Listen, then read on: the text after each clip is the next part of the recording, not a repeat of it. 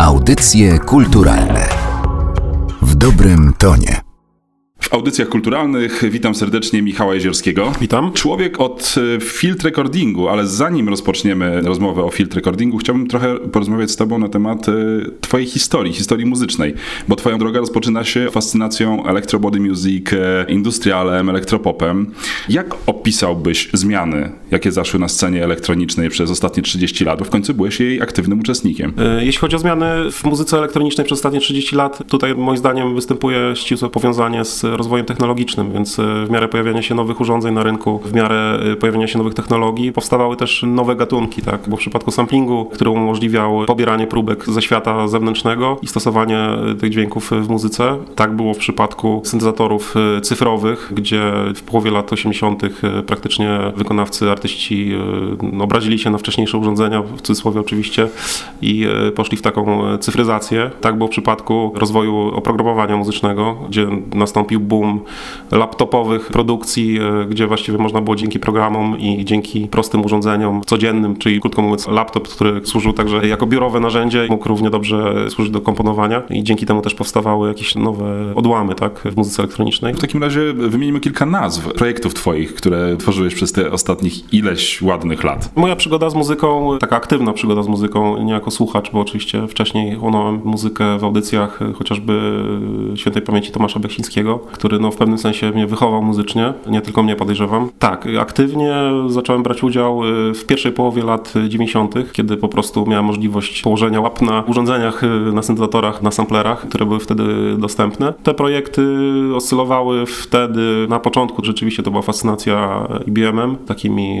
y, produkcjami bitowymi, tak można to nazwać. Później nastąpił boom muzyki, nazwijmy to ogólnie techno, tak, ja nie lubię tego określenia, ale za tym się kryje oczywiście mnóstwo, mnóstwo mnóstwo różnych odłamów gatunków. Dla mnie przede wszystkim e, liczyły się wtedy produkcje, które wychodziły spod szyldu Warp Records, OTKR, e, FX Twin, mnóstwo fajnych, pozytywnych rzeczy e, wtedy się działo i gdzieś tam to wszystko ewoluowało w międzyczasie. Oczywiście moja miłość do twórczości Briana Ino nie straciła na sile, więc gdzieś tam ten ambient zawsze w tle mi towarzyszył. No i w pewnym momencie pojawia się filtr recording. Myślę, że jest to jakaś naturalna konsekwencja fascynacji samplingiem. Moim pierwszym instrumentem był sampler i jakby możliwości tego urządzenia wtedy były no, y, śmieszne w porównaniu z tym, co można teraz chociażby z wykorzystaniem komputera stworzyć, no ale to rzeczywiście gdzieś tam zakiełkowało i pojawia się po prostu taka możliwość stworzenia właśnie takiej regularnej płyty opartej o field recording, co w pewnym sensie jest jakąś tam kontynuacją tego, co wcześniej mnie fascynowało muzycznie.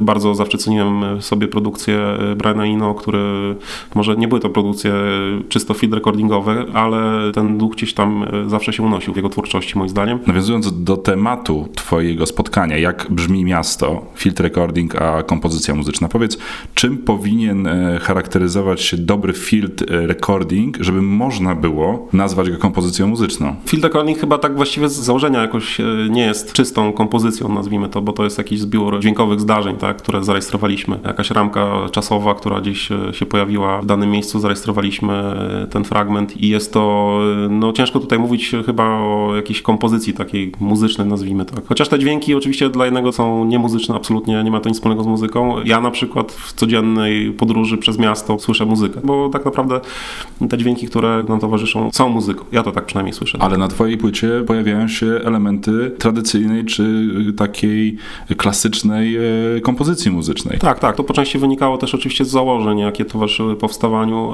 e, płyty. Początkowo miał być to rzeczywiście czysty, klasyczny field recording, jednak z czasem doszliśmy do wniosku, że ciężej byłoby na pewno jakoś zaciekawić słuchacza takim czystym, klasycznym field recordingiem. To jest jedna rzecz. Jakby druga rzecz y, taka, że te wszystkie dźwięki, które są w Gdyni, powiedzmy y, obecne w okolicach plaży, Polanki Redłowskiej i tak dalej, tak naprawdę nie są charakterystyczne, same w sobie nie są jakąś jakością niepowtarzalną, ponieważ no, mewa, która przyleciała do Gdyni, y, tak samo zabrzmi jak mewa, która przyleciała do Gdańska, więc tutaj chodziło bardziej o jakby pozostawienie takiego piętna gdzieś tam gdyńskiego, tak, na tym materiale i doszliśmy po prostu do wniosku, wracając jakby do początku pytania, postanowiliśmy jednak osadzić to w jakichś muzycznych y, ramach. Stąd jakby ostatecznie ten kształt płyty.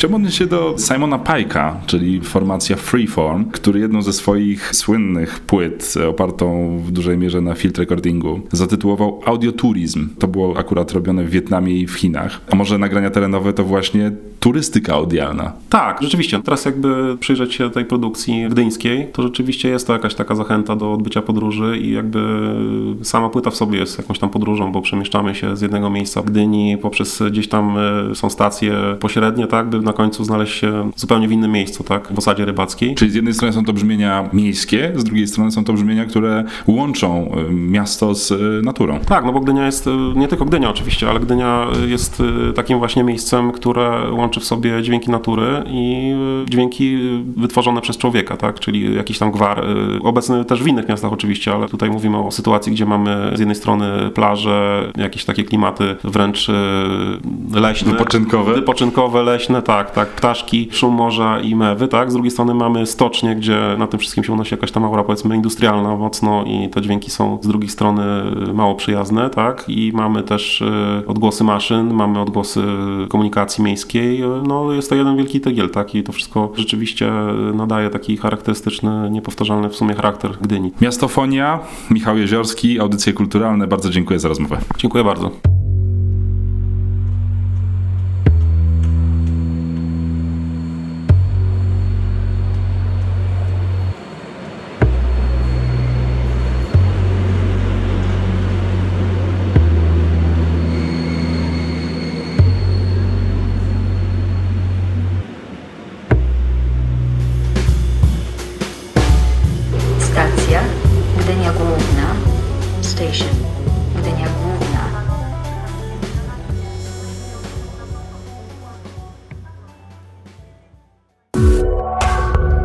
Audycje kulturalne w dobrym tonie.